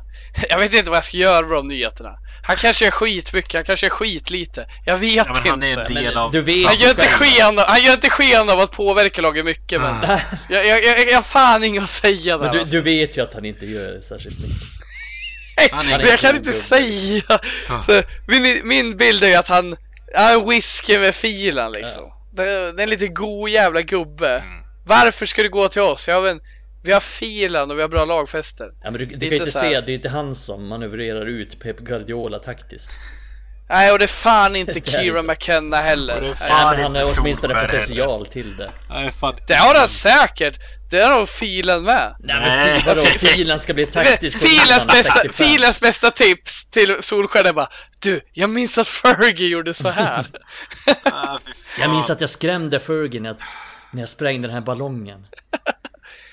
ja, nu du är ni det? hårda mot filen. Ja. Kommer du ihåg Ja, det? det minns Ja. jag. Ferguson höll på att ge en Det är lavett. otroligt kul. En riktig flip-flap där höll han på att. Han höll på att få hjärtattack. Men jag kan inte Ja, annat än att tycka att den är förlängd. Som sagt, man är ju inte på träningsplanen så det är svårt någonstans också. Men av bilderna att döma, det var väl förra avsnittet vi pratade om det tror jag. Att så här, jag tror det var David Selini som var inne på det. Alltså, här träningsbilderna man ser från United. Så här, Darren Fletcher, vad gör han där? Han ser ut att vara en del av truppen och, och att döma av de bilderna. Han står med väst på. Jag såg det igen, Ja. det är så kul när jag Ja, såg jag- en bild för en jag dag tänkte sedan. på Så började jag garva när jag Jag såg det. Jag tänkte ta upp det för diskussion i vår interna chatt men jag orkade inte. Jag var på bra humör då tror jag så jag orkade inte börja prata United. Eh, men, eh, nej, jag bara, det bara känns som fritidsgården snurrar vidare. Nu har vaktmästaren Filen här fått förlängt. Han ska vara kvar på fritidsgården. Ja, Alla ungar tycker det är lite kul att han är där. Ja men filen är åtminstone en del av liksom så här tränarstaben. Darren Fletcher, han är ju någon slags direktör. Vad fan gör han på Nej, jag planen? vet inte. det är som att Woodward nästa snarare Ed. Woodward kommer dit i shorts liksom. Ja, snart glider Quint of Fortune in och är en jävla kona liksom. Tänk att se Vad Glazers fan är det för Är det dolda kameran eller? Tänk att se Glazers med den äckliga frisyren och tajta 70-tals shorts. Malcolm kliver på sig vet du, Fy fan, vad äcklig syn. Fint. Va? The, the winning team of the day vet du. Glazer, Fortune och Filan och så Darren Fletcher håller en jävla pokal. Och så hade de Wayne Rooney som avgjorde åt dem. Fortfarande Nej, nej, K, nej, K. Rooney, de behövde målskytt. De, Ja, Kyron. Det, det sjuka att Wayne Rooney hade ju inte varit tjockast i truppen om han kom tillbaka nu för så sitter ju där och käkar en burgare på kanten och känner att jag är fan ja, förbi men det Rooney. där är fan, går knappt att skratta åt alltså vad Shaw håller på med just nu. För Han har varit en av våra bästa spelare det här året och nu liksom har han bara släppt allting som att han är hemma nu. Han har fått ett nytt smeknamn. Jag kan sitta och raljera om Shaw igen. Men det För känns det som att han känns det behöver någon ny nu. utmaning hela tiden för att liksom höja sig. Han kan, Ja men det är min liksom frustration med honom. Han har inte Men det Ronaldo-drivet. Det har ju ingen. håller med dig. men- Nej, och, och det frustrerar mig för han har en talang som helt enastående. Jag tycker det är fantastiskt att se Shaw under press hantera bollen. Det är oftast väldigt spektakulärt tycker jag. Jag tycker att han, han bara vinklar en passning in i mitten. Han är så jävla Det ser, bara, det ser nonchalant ut. Han är jättebra tekniskt. Och det jag vill komma till, han har sån enorm talang. Jag och Mikael har klagat på han i två år. Den här våren visar han sin fulla potential. Han är en fantastisk fotbollsspelare. Men det han kommer tillbaka i lite nu, det är det här mentala. Vi vet att du har bollen i dig. Att du kallas Schobert och Carlos, det är inget konstigt för du är en fantastisk fotbollsspelare i grunden. Men visa det för helvete! Du, alltså idag, Maguire tror jag inte är något fel på liksom mentaliteten, men Shaw, det är ju tillbaka till det här såklart. Vi vet vad han kan göra, visa det. Vi behöver hans vänsterfot. Dels i uppspelet, för han är fantastisk i uppspelsfasen. Och sen det här extra bonusen som han visar våras. Framspelningarna. Fantastisk vänsterfot. Därför får han ju slå hörnor också. Men de har inte varit superbra den här säsongen heller. Men faktiskt vårt minsta problem. Hans hörnor, skulle jag säga. Jag tycker allt annat överlag, defensiven, deltagandet i offensiven, det har varit skitdåligt från Shaws sida. Vi Så har höga lat. förväntningar på honom. Sjukt lat eh, defensivt. Ja. Var, alltså det är flera mål där han är direkt inblandad i. Alltså, Och, och det är ju så, han, han orkar väl inte, han ser ju inbäddad ut. Alltså det ser ut som att han inte är i form. Det är inget skitsnack, eller hur?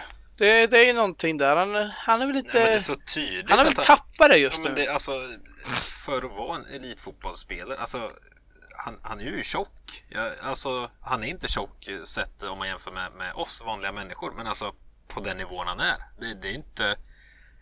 Jag vet inte, och det är inte okej någonstans heller. Alltså, det, han spottar ju på alla miljoner människor som följer United och, och liksom de som sitter och säsongsplåtar och alltså... Eh, jag tycker, alltså det... Man kan garva åt det, jag garvar lite åt det själv nu med, men det är ju upprörande alltså. Alltså, jag vet inte. Fan, det... Och Emil, jag hade tyckt det var en skitsak om han är tjock överlag. Men det är ju inte. Han är ju jätterippad när han är rippad. Ja, det- Men nu, det syns ju. Han ser ut som en Ja, trasdocka. men alltså liksom. Han har ju typ Rooney-kropp tycker jag. Ja, Ja, och vi har varit inne på det tidigare. Han har säkert svårare att komma ner i form. Men han kan det. Och han kan vara en av världens bästa vänsterbackar. Och det är fan förväntan från vår sida. Han kan inte bara tappa det nu. Han har inte bevisat något än. När han, han har vunnit ligatitlar hos oss, då har han bevisat. För då kommer f- även andra erkänna honom. Vi United-supporter gjorde det i våras och det är fan dags att leverera igen. Men det är ju så, jag, jag tog upp det för några avsnitt sedan. Alla engelska landslagsspelare har fan med varit dåliga Ja, i det- United sen vi kom tillbaka. det är, ja, vi har pratat om det eh, flera gånger, men det är anmärkningsvärt alltså. Det ja, det är väldigt... Jag vet inte vad det är frågan om. Men, eh, ja. En eh, som inte är det, jag tänkte vi måste komma in på det ändå. Eh, vi får in och, snudda på Lingard förut ja, i diskussionen kring vem som varit vår bästa spelare utöver de Gea. Han har inte fått spela mycket alls, men när han väl studsat in så... Eh, det har ju sett bra ut och han har ju haft... Alltså han har satt avtryck i matcherna. Han har gjort mål, avgjorde mot West Ham. Eh, någon form av assist där till Ronaldo mot, mot Villarreal till avgörandet. Alltså, han är ju verkligen gjort mycket av lite. känner man, är inte han värd en start? Eh, den, den punkten skrev, skrev jag redan efter Villarreal-matchen. Är det inte dags för Lingard nu? Och så kommer startelvan United-Everton. Och då dyker Martial upp från vänsterfil. Eh, och bara, hej, nu ska jag spela. Jag gör mål, så, så, så vad ska man säga? Men jag tycker fortfarande, vad, vad, hände där? Vart kom Martial ifrån? Och när ska Lingard få Och sin där är start? min eh, tydliga vision att eh, Martial är en favorit till Ole och då får han spela. Och han kanske förtjänar att få spela. Ah, Men jag tycker att Lingard förtjänade att spela. Ja, men Martial gjorde ju mål ändå så det är svårt att säga att han... jo, jo visst. Jo, men, samtidigt- Mikael, han gjorde mål, men vad säger att inte Lingard har gjort mål? Jag tycker det var ett bra mål av Martial. Vad säger att men han han gjorde ingen gjort superinsats. I, det slu, i, slut, I slutändan så blev det lika mot Everton. Så här, jag tror inte att Ja, men det är inte hans gjort det fel att det blev lika. Han gjorde målet liksom. Det går inte...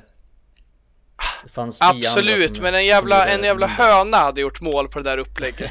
Han sköt den mitt i mål, han sköt den i handskarna på, på Pickford. Jag säger så här, jag tycker det var bra gjort av honom. Han gjorde mål, absolut. Men han gjorde ingen bra match. Det var inte så att det slog gnistor om hans insats på kanten. Sancho gjorde mer på 10 minuter på sin vänsterkant än Martial gjorde. Och jag håller fan med Emil. Varför skulle inte Li- Lingard få spela där? Men jag vet ju varför. Ole gillar Martial mer. Martial är som Oles son. Men kan det Han kommer vara... alltid stötta honom. Kan det inte vara Att han gör mål Mikael, det är så här. ja det gjorde han, men det säger fan ingenting. Ja, men- Tror du inte Lingard hade gjort mål på det upplägget? Som Ja, Bruno ger honom? Det är ju det är omöjligt, det går inte att diskutera om han hade gjort mål på det eller inte. Han kanske hade gjort mål Nej på men jag, jag här, vadå gör mål liksom? Folk gör mål. Det är inte så att Martial räddade vår match. Det, är inte, det var inte något soloräd han gjorde. Han var, han var där, där folk ska vara. Ta Ja, fan. det, Jag vill inte ta United- ner Martials mål. Han var värd det. Jag tycker det var kul. Jag blev glad. Men i, det är ett mål. Det var det enda han gjorde. Sen Jag var han helt jävla United spelade i matchen. 90 minuter med 10 andra spelare, med 12-13 andra spelare och ingen annan gjorde det målet så att... Ja, Nej. nej men jag, jag är lite... Men det, det är så här, så här, det var Greenwood och Brunos mål. Mm. Jag håller Ja, med om att det, var de det, det är dit jag vill komma. Sen stod han där. Det kunde ha varit Mike Phelan som stod där. Men jag vill inte ta ifrån, men i den här diskussionen. Jag tycker absolut att Lingard skulle ha startat för Martial alla gånger. Jag ser ingen anledning till liksom, ah, det var rätt att sätta in Martial. Sen absolut, han gjorde mål och det är svårt att göra något med det. Det kanske inte Lindgard hade gjort. Men jag tycker inte att ett mål... Ja, Anders Lindegard hade fan Vet kunnat gjort mål där. Jag vet att han Spelade hankar- superettan Ja, Helsingborg. Han hankar vidare, det är helt fantastiskt. Det, det kan vara ett poddavsnitt för sig alltså. Fantastiskt. Ja, det är... 37 år det är en, gammal eh, eller vad han är.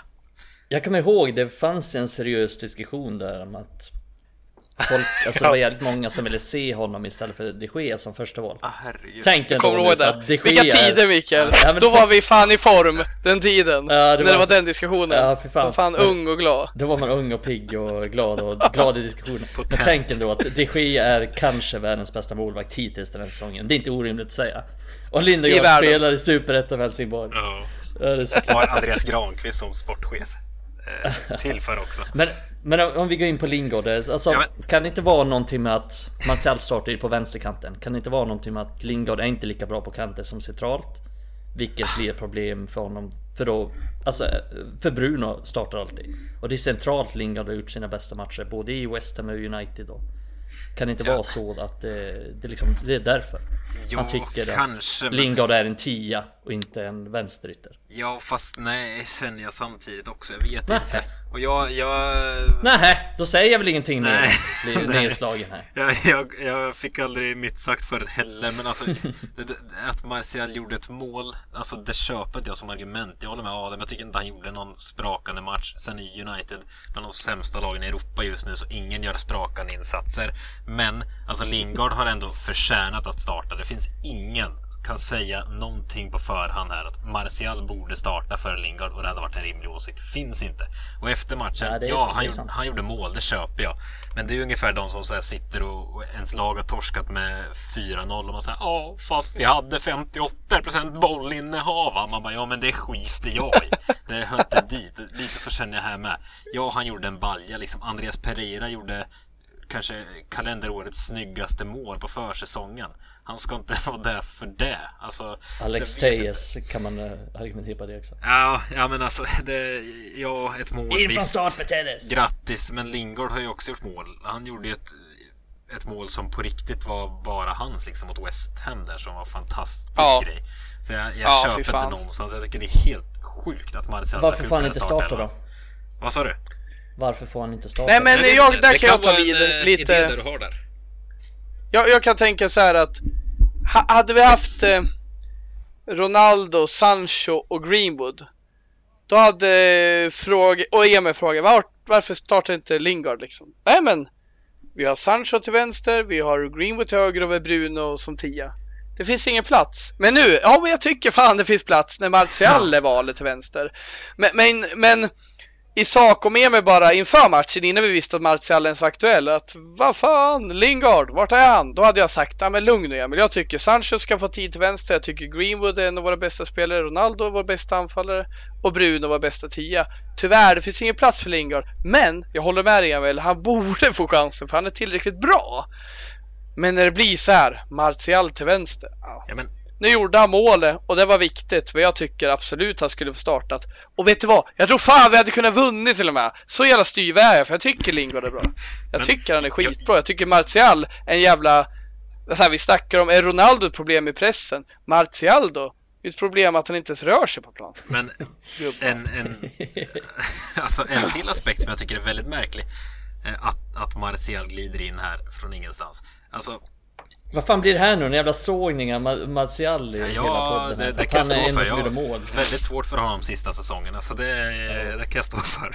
Men eh, alltså, jag tycker det är väldigt märkligt. Alla har ju sett, även Ole, även om han säger annat utåt. Ser han inte att det ser ganska illa ut så eh, då har vi ett ännu större problem än vad vi redan har.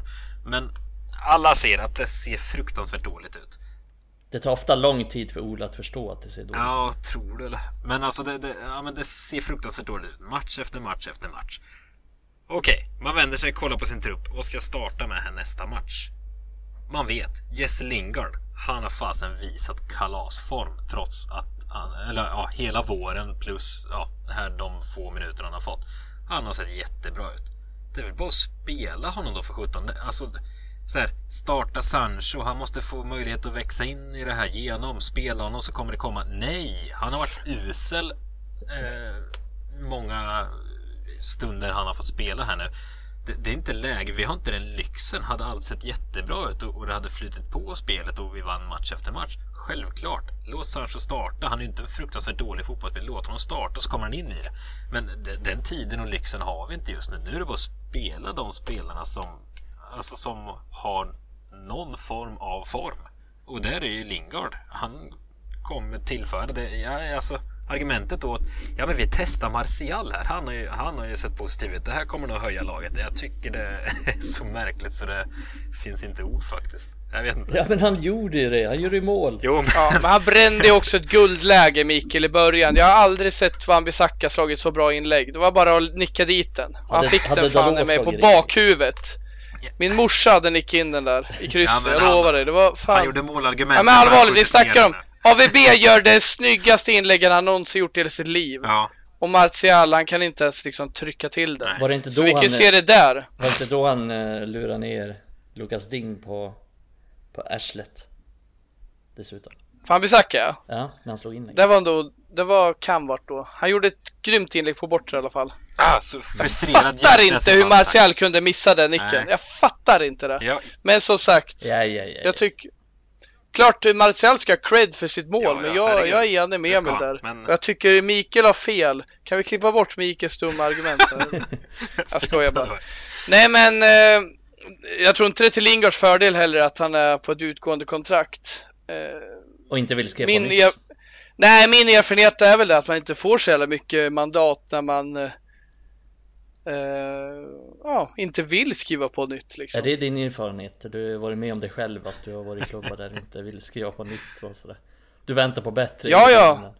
Från, När Sköldinge började rycka mig, det var ju inte mycket mandat man fick i Valla då. Sen kommer Katrineholm Tigers och ska... Ja, när Kajk ringde då blev det fan hus i Då blev det helvetet. Kaiko. Ja, då fick jag sitta där på bänken. Det är inte lätt. Men eh, jag måste bara ta upp, eh, ni snuddar på Wan-Bissaka där. Jag, jag satt igen och blev så, alltså jag vet att jag var inne i det i våras någon gång i podden här. jag blir så frustrerad för jag, jag tycker fortsatt att det finns Alltså, det går att se att Van Bissaka skulle kunna vara en så fruktansvärt bra högerback, men det går bara inte.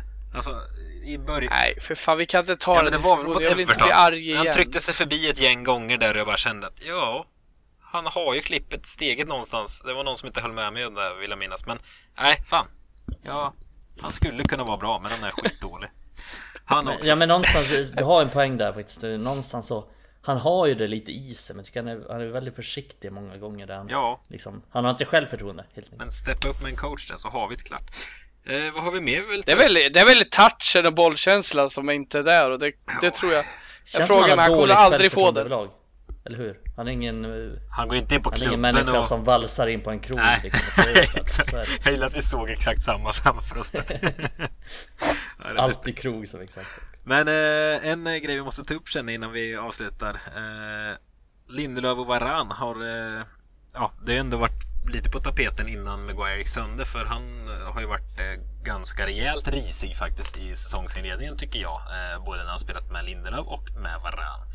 Eh, nu har vi sett Lindelöf och Varan ett par matcher ihop. Vad, vad är era spontana tankar? Har de fått vatten på sin kvarn de som hävdar att Lindelöf borde starta med Varan när Maguire är hel?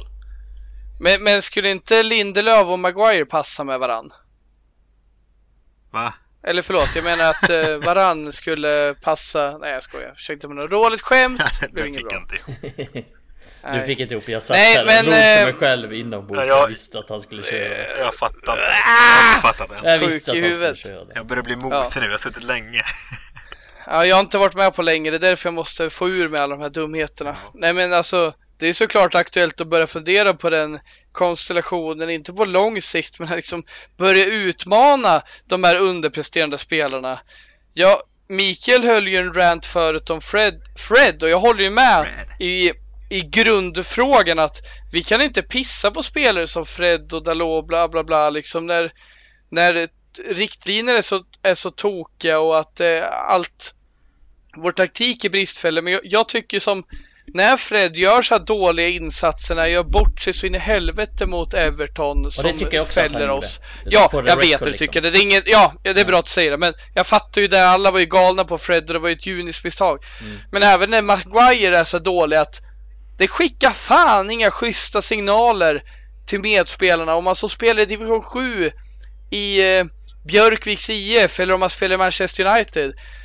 Gör man dåligt ifrån sig i flera matcher då ska man fan med testa andra alternativ. Och det, alltså, för grejen som händer, det vet ju ni med, att folk sl- slutar ju tro på det och tar ju inte tränaren och ledarskapet på allvar när de får fortsätta göra bort sig och jag tycker Maguire är aktuell i det här fallet. Det är inte att han ska petas för resten av säsongen. Men skulle Maguire vara tillbaka nästa match och eh, vi möter Leicester och vi tänker att fan, de har inga bu- buffliga spelare. Vi kanske ska testa Lindelöf och varann. Mm. Fan vet jag, men det är dags att börja ta ledarskapet på allvar, Ole. Ja, men, Är du inte nöjd med Maguire eller Fred eller Shaw, det kanske är dags att peta någon av dem. Jag tycker till exempel att Shaw inte ska petas, för jag, vi har inte alternativ. Men vi har det i mitt i försvaret. Lindelöf tycker inte jag är vår bästa eller näst bästa mittback, men jag tycker faktiskt det är aktuellt att börja prata om det. För Maguire har varit kass och det har Fred med varit. Fred har inte heller varit bra. Nej, Fred har inte varit bra. Fred har varit mycket sämre än han var liksom. Om vi ser till förra säsongen så har Fred inlett den här säsongen mycket sämre. Liksom, rent Mm. spelmässigt men också statistiskt. Men om vi, om, om vi snackar Maguire så, så håller jag med. Han, jag tycker han har varit direkt svag den här säsongen och Lindelöf Ja men helt okej liksom. Vi släpper till jävligt mycket chanser. Det, det är svårt att klandra det på Lindelöf och det är svårt att klandra det på varann. Men jag tycker Maguire har varit direkt svag faktiskt. Och jag har inga större problem med att typ Lindelöf spelar mot... Ja men det är ju ett bra exempel och, och vi möter ju Leicester i nästa match. Så jag tror att den matchen kan passa Lindelöf ganska bra så att jag har inga problem att se det men, men du är inne på något bra där med att det, kom, det spelar ingen roll hur dåligt Maguire presterar. Han kommer ju fortfarande vara... Han är ju första namnet på... I den startelvan liksom. Det är ju första namnet Ole sätter upp. Om han är frisk då kommer han spela. Helt 100% bensäkert. Så är det. Men det är... Så kanske det inte borde vara. För han har inte varit bra den här säsongen och det måste kunna bli lite konsekvenser när någon är dålig. Men det... Jag tror... Jag tror att vissa spelare mår bra av att känna att man har lite konkurrens, men vissa spelare mår inte så bra av det och vissa spelare, kanske Maguire, att han behöver känna att han att han kan bli petad. För jag tror han känner att han är helt säker i det här. Han är lagkapten och oavsett hur dåligt han presterar så kommer han få spela. Men han kanske borde kunna få känna den konkurrenssituationen faktiskt. Jag, jag delar den vin om uh, Solskärs relation till uh, Maguire. Han kommer alltid prioritera honom. Men med det här spelschemat som kommer med mycket bättre motstånd. Uh, alltså mycket toppkonkurrenter. Inte eh, Wolverhampton och Southampton som vi mött tidigare. Vi möter liksom City, Liverpool, Leicester snart. Där tror jag faktiskt att det kan vara aktuellt att spela Varann Lindelöf. Hur jävla bra Maguire är.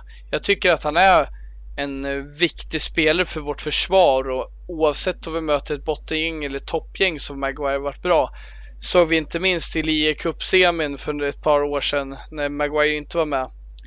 Eh, jag minns det så väl då för då hade folk kritiserat Maguire men sen var han borta en match. Han var avstängd eller var skadad och vårt försvar kollapsat totalt. Men just nu med korten på bordet när vi varit så dåliga, det kanske är dags att testa. Framförallt aktuellt med det här schemat vi har och Emil, du har säkert lite att peta in där med i brasan med alla matcher vi har, men det är ett helvete vi möter nu. Framförallt för Solskär, han börjar bli nervös. Han är så nervös nu så han står och ler när vi håller på att förlora mot Everton. Det, fi det finns den här mm, memen, du vet när någon det brinner så i bakgrunden och så står någon och ler bara Everything's okay. ja. Lite så. Just det. Ja, på tal om det Mikael, den här bilden han ler, då är ju Benitez, han är inte glad i bakgrunden. Nej, men men Solskjaer står och ler. Alltid så. Det är så här falskt leende också, du vet så här lite säljarleende. Men, men där vill jag ge Solskjaer någonting, att det är inte att han står och ler att han är nöjd. Det är hans sätt att hantera situationer. Jag, jag har en bild av att han har varit pressad tidigare och folk har frågat Men fan ler du? För det är ju så, vi supportrar gråter om han ler, men jag tror det handlar om att det är hans sätt att hantera situationen. Han tänker den här memen, när vi ändå snackar det, med en gråtande gubbe med en glad mask på. Det är lite solskär. Han mår inte bra nu, han är pressad, men han ler för det är hans sätt att vara.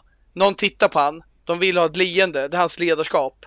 Jag kan inte stå här och se sur ut, för jag är inte en sur kille. Sen om det är rätt eller fel, men jag vill bara säga att Solskär ler nog inte. Han är bara, jag tror han är pressad så in i helvete nu. Jag tycker jag ser det efter matcherna med på riktigt. Han ja, är pressad. Det ser man nästan i blicken. Och han går in i en... Ja, i blicken absolut. Jag, alltså, den här schemat han går in i, det passar honom. För det har aldrig varit så att Solskär har varit dålig när vi möter topplag. Men jävlar vad tufft det Jävlar! Ja de här sju matcherna som kommer nu. Nu tar vi vidare och låter dig fortsätta Emil. Ja, men vi måste avrunda med, med kommande scheman då. Du brukar eh, håna mig när jag kör kommande scheman Mikael. Nej, vars. Men... Eh, ja, men nu känns det aktuellt. Ja, men det var till och med du som skickade i våran eh, chatt, va? Kommande kommande mm. motståndare. Eh, nu ska vi väl säga att när vi spelar in det så ligger Messenger nere helt och hållet så jag får inte upp det du skrev. Eh, något strul. Kul, kul att du är så väl förberedd att du behöver att jag har skrivit ja, nej, men precis. i Messenger så att nej, kunna se nej, kommande schema. Nej, det finns ju inte alls på typ så här Premier League. Jo, jag har schemat framför mig men jag ville bara eh, säga vad du skrev då, men jag kommer inte ihåg exakt. Men i alla fall, eh, kommande schema, alltså inte bara för att, att folk ska fatta hur ruggigt det är ändå. Eh, vi har Leicester i ligan, sen är det Atalanta Champions League, sen har vi Liverpool, Tottenham, sen Atalanta igen, City, sen kommer Watford där kanske lite andningspaus, men där har vi Claudio Ranieri precis kritat på. Kan bli spännande, kan bli guld. Eh, sen har vi Villarreal i Champions League såklart. Eh, sen har vi Chelsea, vi har Arsenal. Och ja, det, sen, eh, sen är vi i december och då lugnar det ner sig igen och då bör vi vinna 14 raka. Men eh, ja, de här Premier League-matcherna nu som kommer, eh, Mikael, de kommande sju, eh, då kan vi räkna bort Watford som dyker upp där mitt i då eh, eftersom de inte var i Premier League förra säsongen och de är ett svagt motstånd. Men de övriga sex där som vi rabblade upp eh, i Premier League-matcherna så, så, tog United 6 av 18 poäng, hävdar du, eh, mot, i, ja, motsvarande möte förra året alltså. Det, det är ju mm. ganska, eller det är ju väldigt få poäng. Eh, så då tänker man, herregud, Men sen samtidigt så tänker jag, är det inte sådana här matcher som passar Ole? Speciellt nu när spelet hackar. Är det inte kanon att möta City som eh, dominerar spelet och så kontrar vi på dem? Har vi inte större chans där än vad vi har mot ett, eh, ett Aston Villa nu där vi ska ha spelförande? Ja, nej det, det är ju svårt att tro. Alltså, United hade ju en säsong där de var rätt bra mot topplagen. Var det säsongen innan då? 1920 eller? Ja, det tror jag det var. Eh, ja men det var väl det. Ja, men som sagt förra säsongen så såg det inte så bra ut mot topplagen och... Jag vet alltså, det är alltid svårt att säga vad det beror på. Eh, men det kan ju vara någonting med att de kanske har läst av United på ett annat sätt. Att då fokuserade, alltså det känns som att United fokuserade väldigt mycket på att och kunde vara den underdogen, kunde ligga lågt liksom och fokusera på omställningen men Frågan är om vi är lika bra på det ens den här säsongen och Säger vi att typ vi spelar med Sancho Vi spelar med Ronaldo Ja men då är vi inte lika bra i det spelet för att de har inte riktigt den speeden som, som vi hade innan Med till exempel Rashford, med Greenwood Lingard. Och, ja men Lingard till exempel. Han ska För Lingard in. är ju jätte, Lingard är jävligt bra i, i den typen av spel. Ja men Lingard är ju typ, alltså för mig, han är nästan given i eh, Liverpool-matchen. Ja men, ja men Inte Leicester kanske, men alltså Lingard, du nämner Sancho, Ronaldo. Det är ju fan, får fan fundera på det här materialet vi har. Det behöver inte vara så kantigt att det ska vara de bästa på pappret. Ja, men Sancho och Ronaldo kanske passar bäst när vi, om vi äger matchen. Exakt! Men vi Då är de jätteintressanta, deras kreativa och offensiva förmåga. Då kan de åka på semester men, och komma tillbaka i december då, för vi kommer inte äga en match någon gång. Nej, men det, det, är väl det som blir så intressant också för att tidigare har ju Ole, alltså ur en, ur en synpunkt också om han ska vara kvar. Tidigare har han ju kommit undan med att ja, men vi håller på att bygga en trupp nu och det är klart vi köper att vara lite underdog mot City och vi kan ligga tillbaka och, och kontra mot dem och ligga på liksom så 30 procents bollinnehav eller vad fan vi har i de matcherna. Men nu vill ju folk se lite, folk vill ju se resultat. Folk vill ju att vi ska äga de matcherna nu. Den här säsongen och med Ronaldos intåg så har ju de kraven kommit. Och det tycker jag har varit lite Oles fall den här säsongen. För jag tycker att han spelar lite mer offensivt den här säsongen. Än han, har, än han kanske har gjort innan. Och det är väl det som har straffat honom lite med att vi har varit sämre defensivt också. Så det ska bli intressant hur, att se hur han tar sig an den matchen men det känns inte som att det det passar oss så jävla bra. Det är oroväckande. Vi 6 poäng av 18 förra säsongen. Det är inte bra. Vi tog bara en poäng mot Arsenal över två möten. Skapar knappt någonting. Liksom i de matcherna. Och Just det. då spelade ju Arsenal på ett sätt som inte passade oss för de backade hem en hel del och, och så men Ja det ska bli äh, fan jag, jag har svårt Bära vara positiv inför de matcherna faktiskt. Men det är det som är positivt tror jag. Eh, sista grej här. Det är att Rashford är, är tillbaka. Det tror jag är positivt i de här Ja. matcherna. För här i de här matcherna, det är där han verkligen behövs. Få hans snabbhet liksom och genombrottskraft i, i omställningarna. Det, är- jag tror att en Rashford i en match mot City eller Liverpool liksom borta. Det är, det är kanske vår viktigaste spelare. Ja, Om vi, om vi tar ut en 11 liksom mot Liverpool borta. Då kanske Rashford den jag sätter in först av alla. Eh, för jag misstänker att United kommer ha mindre boll i, i många av de matcherna. Och, och då kunna utnyttja hans omställningsspel blir vår största chans till, till att göra mål och kanske få poäng också. Ja, det, men eh, bara en, en sista grej. Eh, vad, hur, alltså, hur ska jag uttrycka det? Hur långt tror ni det behöver gå innan eh, Solskjaer får, spark, får sparken? Här kommande schema liksom. Alltså. Ja, jag, jag vill ju, jag säga vad tror jag? Jag, eh, jag börjar med vad jag vill. Jag vill ju att han ska få eh, visa resultat till i eh, månadsskifte. Jag ser ju folk skriver Ola out och jag har fan full respekt för att de vill se något annat för det här är riktigt dåligt med det material vi har och med den tid han har fått. Men jag ger han till månadsskifte. Sen eh, har jag tömt ur all jävla tålamod alltså. Men jag tror också att jag tror också han kommer få förtroende ända till dess. Jag tror det ska hända något helt exceptionellt att han liksom förlorar åtta matcher på rad under hösten för att det ska kickas. Men jag tror han kommer få till eh, jul på sig oavsett hur dåligt det går. men en följdfråga där bara Adam. Du sa att du gärna ger honom månaden ut. Alltså, Nej förlåt, eh, alltså Året, Året ut. Året ut. Men alltså, Månaden ut, det var ju ja men du är ändå beredd Ja. att, sitta och vänta och se. Alltså jag har, jag har kommit, Så här, jag har verkligen jag- så här, kommit och känt, allvarligt. nej, det går inte. Ja. Vi kommer, Ja. i slutet av dagen kommer vi inte utmana om ligatitel. Vi kanske råkar ta en, Nej. en ligacuptitel om två år om det skulle vara så. Men vi kommer inte utmana om de riktiga titlarna så länge vi har Ole Gunnar Solskär som coach. Och då skiter jag i om det råkar se bra ut under tre matcher här nu. För vi vet Nej. att det, det Jag håller inte göra det. Så, alltså, jag sitter inte och skriver på Twitter Ole out. Jag är inte den typen av människa. Men alltså, jo. Han Nej men Emil, jag håller med. Jag, jag, jag tror inte heller, jag kommer inte satsa pengar på det. Jag tror absolut inte det kommer hända. Men jag tror inte min, min grabb kommer lära sig eh, borsta tänderna själv heller. Men jag kommer ge han eh, tid att eh, göra det. Och jag tror att Solskär, jag, jag tycker han är så här, jag tycker han är värd till eh, jul, afton, till månadsskifte. Sparka och det är precis det jag julafton. sa i våras. Jag tycker att han ska ha hänga med i gruppspelet i Champions League. Han ska ta oss vidare.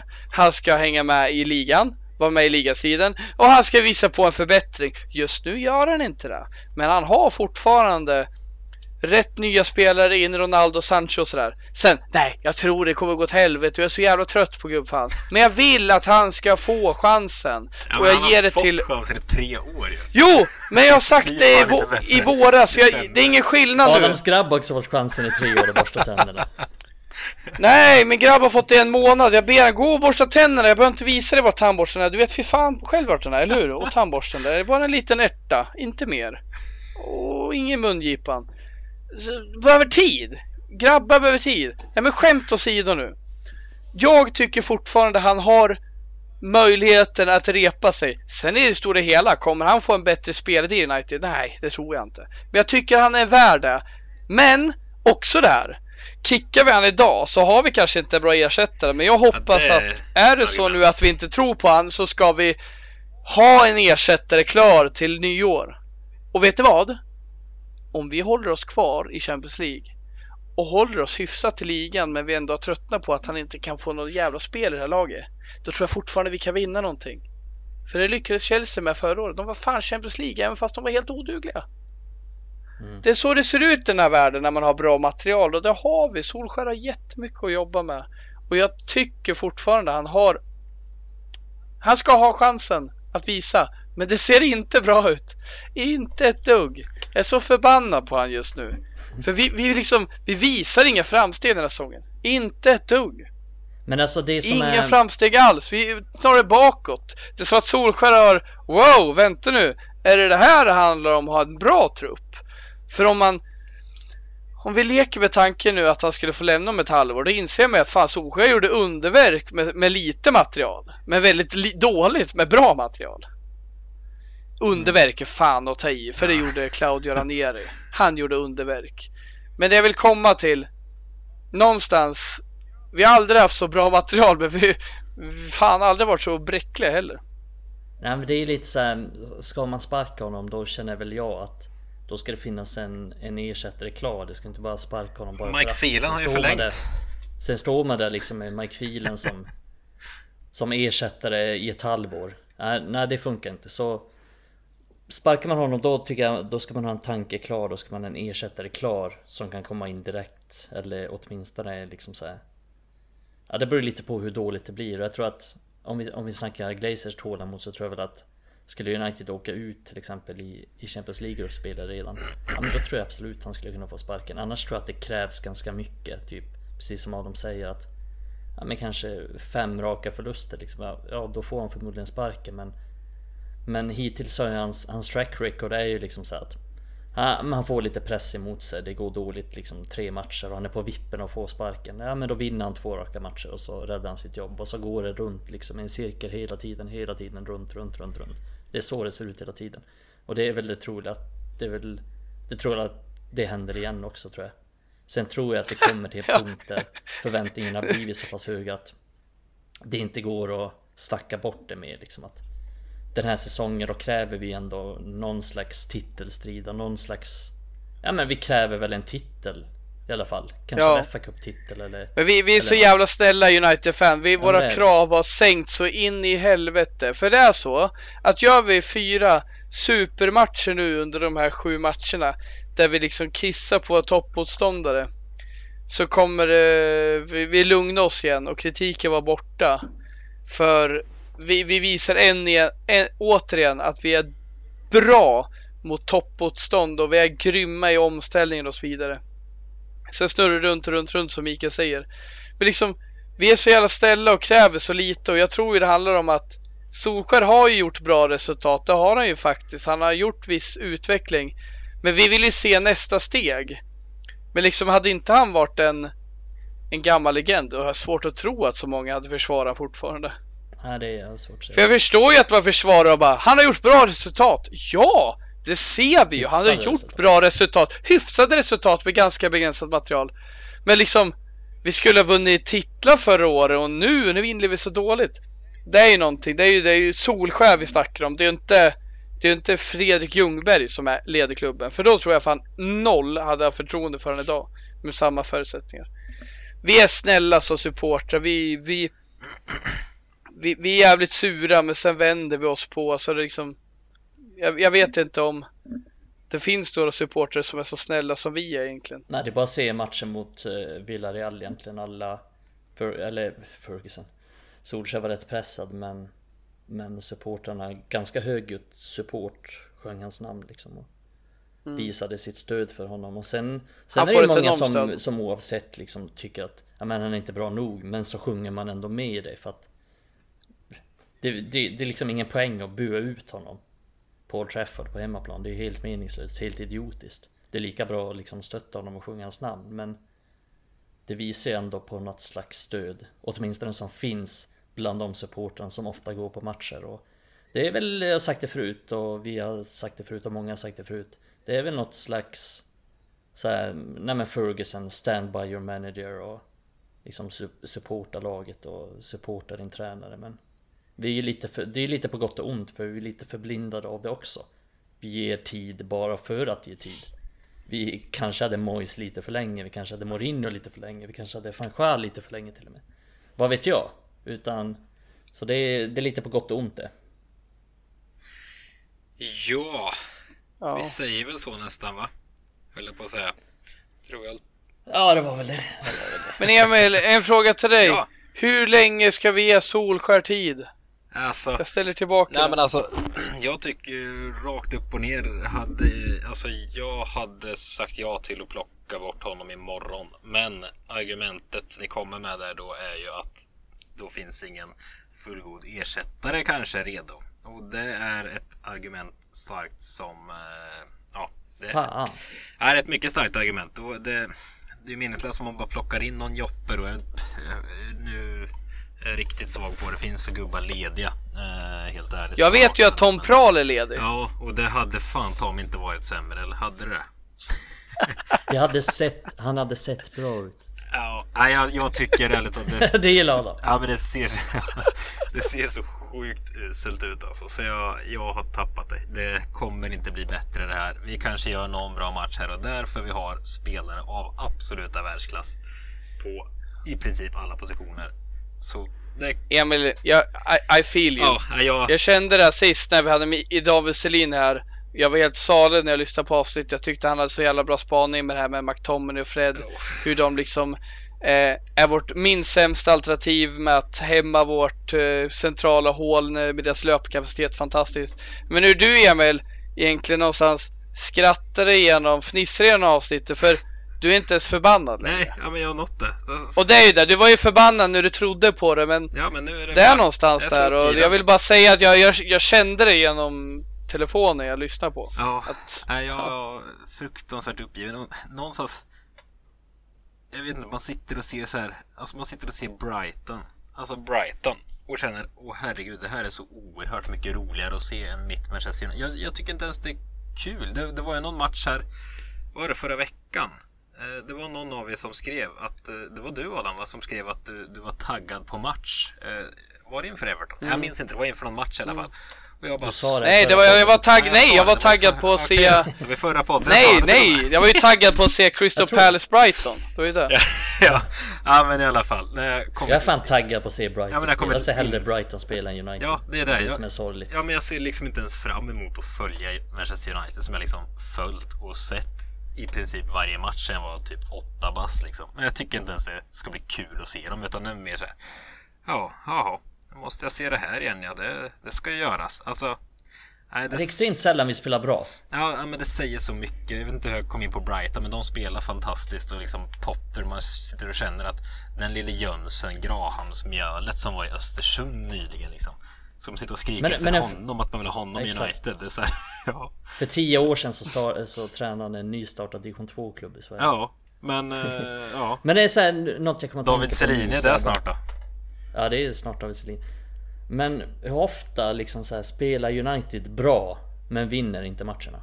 Ja, Kommer ni på någon match? aldrig hänt. Liksom så här, ni känner att United har dominerat totalt men inte vunnit? Helt tyst. Ja, det var den podden det. Ja. Nej, vi måste Ja, nog avsluta det här annars kommer vi... Jag skulle kunna sitta här i 14 timmar till tror jag, men eh, det sa jag sist också. Det får bli lite special för landslagsuppehåll. Håll till godo, vi är här för er. Mm, exakt, jag kan ju I lyssna dessa på... mörka kan tider. lyssna på det här i omgångar under landslagsuppehållet. Men eh, det skulle sägas att det dyker upp eh, ett avsnitt till innan, eh, eh, innan nästa match är ju våran ambition och tanke. Nästa match är väl nästa lördag. Nu blir det mycket nästa. Eh, det är landslagsuppehåll nu över helgen och nästa helg så spelar United igen med eh, start Leicester borta. Eh, det blir en spännande match. Känns ändå som ett lag som på något sätt skulle kunna passa oss lite. Men vad vet jag egentligen? Eh, kommentera gärna och hör av er. Eh, mer än gärna. Eh, vi älskar eh, att dels höra era åsikter kring, eh, kring United och dels om era åsikter kring, kring podden. Eh, så kan ni ju slänga in om ni har något förslag på en spelare som varit, eh, kan utmana de Gea i att ha varit bäst hittills den här säsongen. Jag kommer då inte på någon i alla fall. Och inte ni heller. Det är starkt. Nej, men ni ska få den här bilden av mig som vi snackade om i pausen. Ja, det ser jag fram emot. Men Messenger ligger ner. Och eh, vill ni följa eh, Emil på Twitter så är det snabela jag gillar kanelbullar. eh, han är jätterolig. Ja. Hoppas eh, det här kontot kan bli stort. Yes. Jag ska bli influencer som bakar. Eh, kul att du var med Adam. Eh, vi hoppas du dyker upp snart igen. Vi eh, firar ju faktiskt avsnitt 100 här strax. Eh, då rykten säger att du ska göra dig tillgänglig då i alla fall. Vi hoppas på det. Mikael, vi hörs väl nästa vecka igen va? Ja men det gör vi. Ja, det gör vi. Eh, Alla lyssnare önskar vi ett trevligt landslagsuppehåll eh, och ladda batterierna så kanske vi kommer tillbaka lite mer positiva på något sätt. Sup utav helvete. ja, kan man också Förutom säga. ni som är under 18 år. Ja, precis. Ni, Eller ni som behöver drick, drick inte mjölk, det är en myt. Nej, Drick med måtta. Hörni, ha det gott. Hej! Thiago Motta.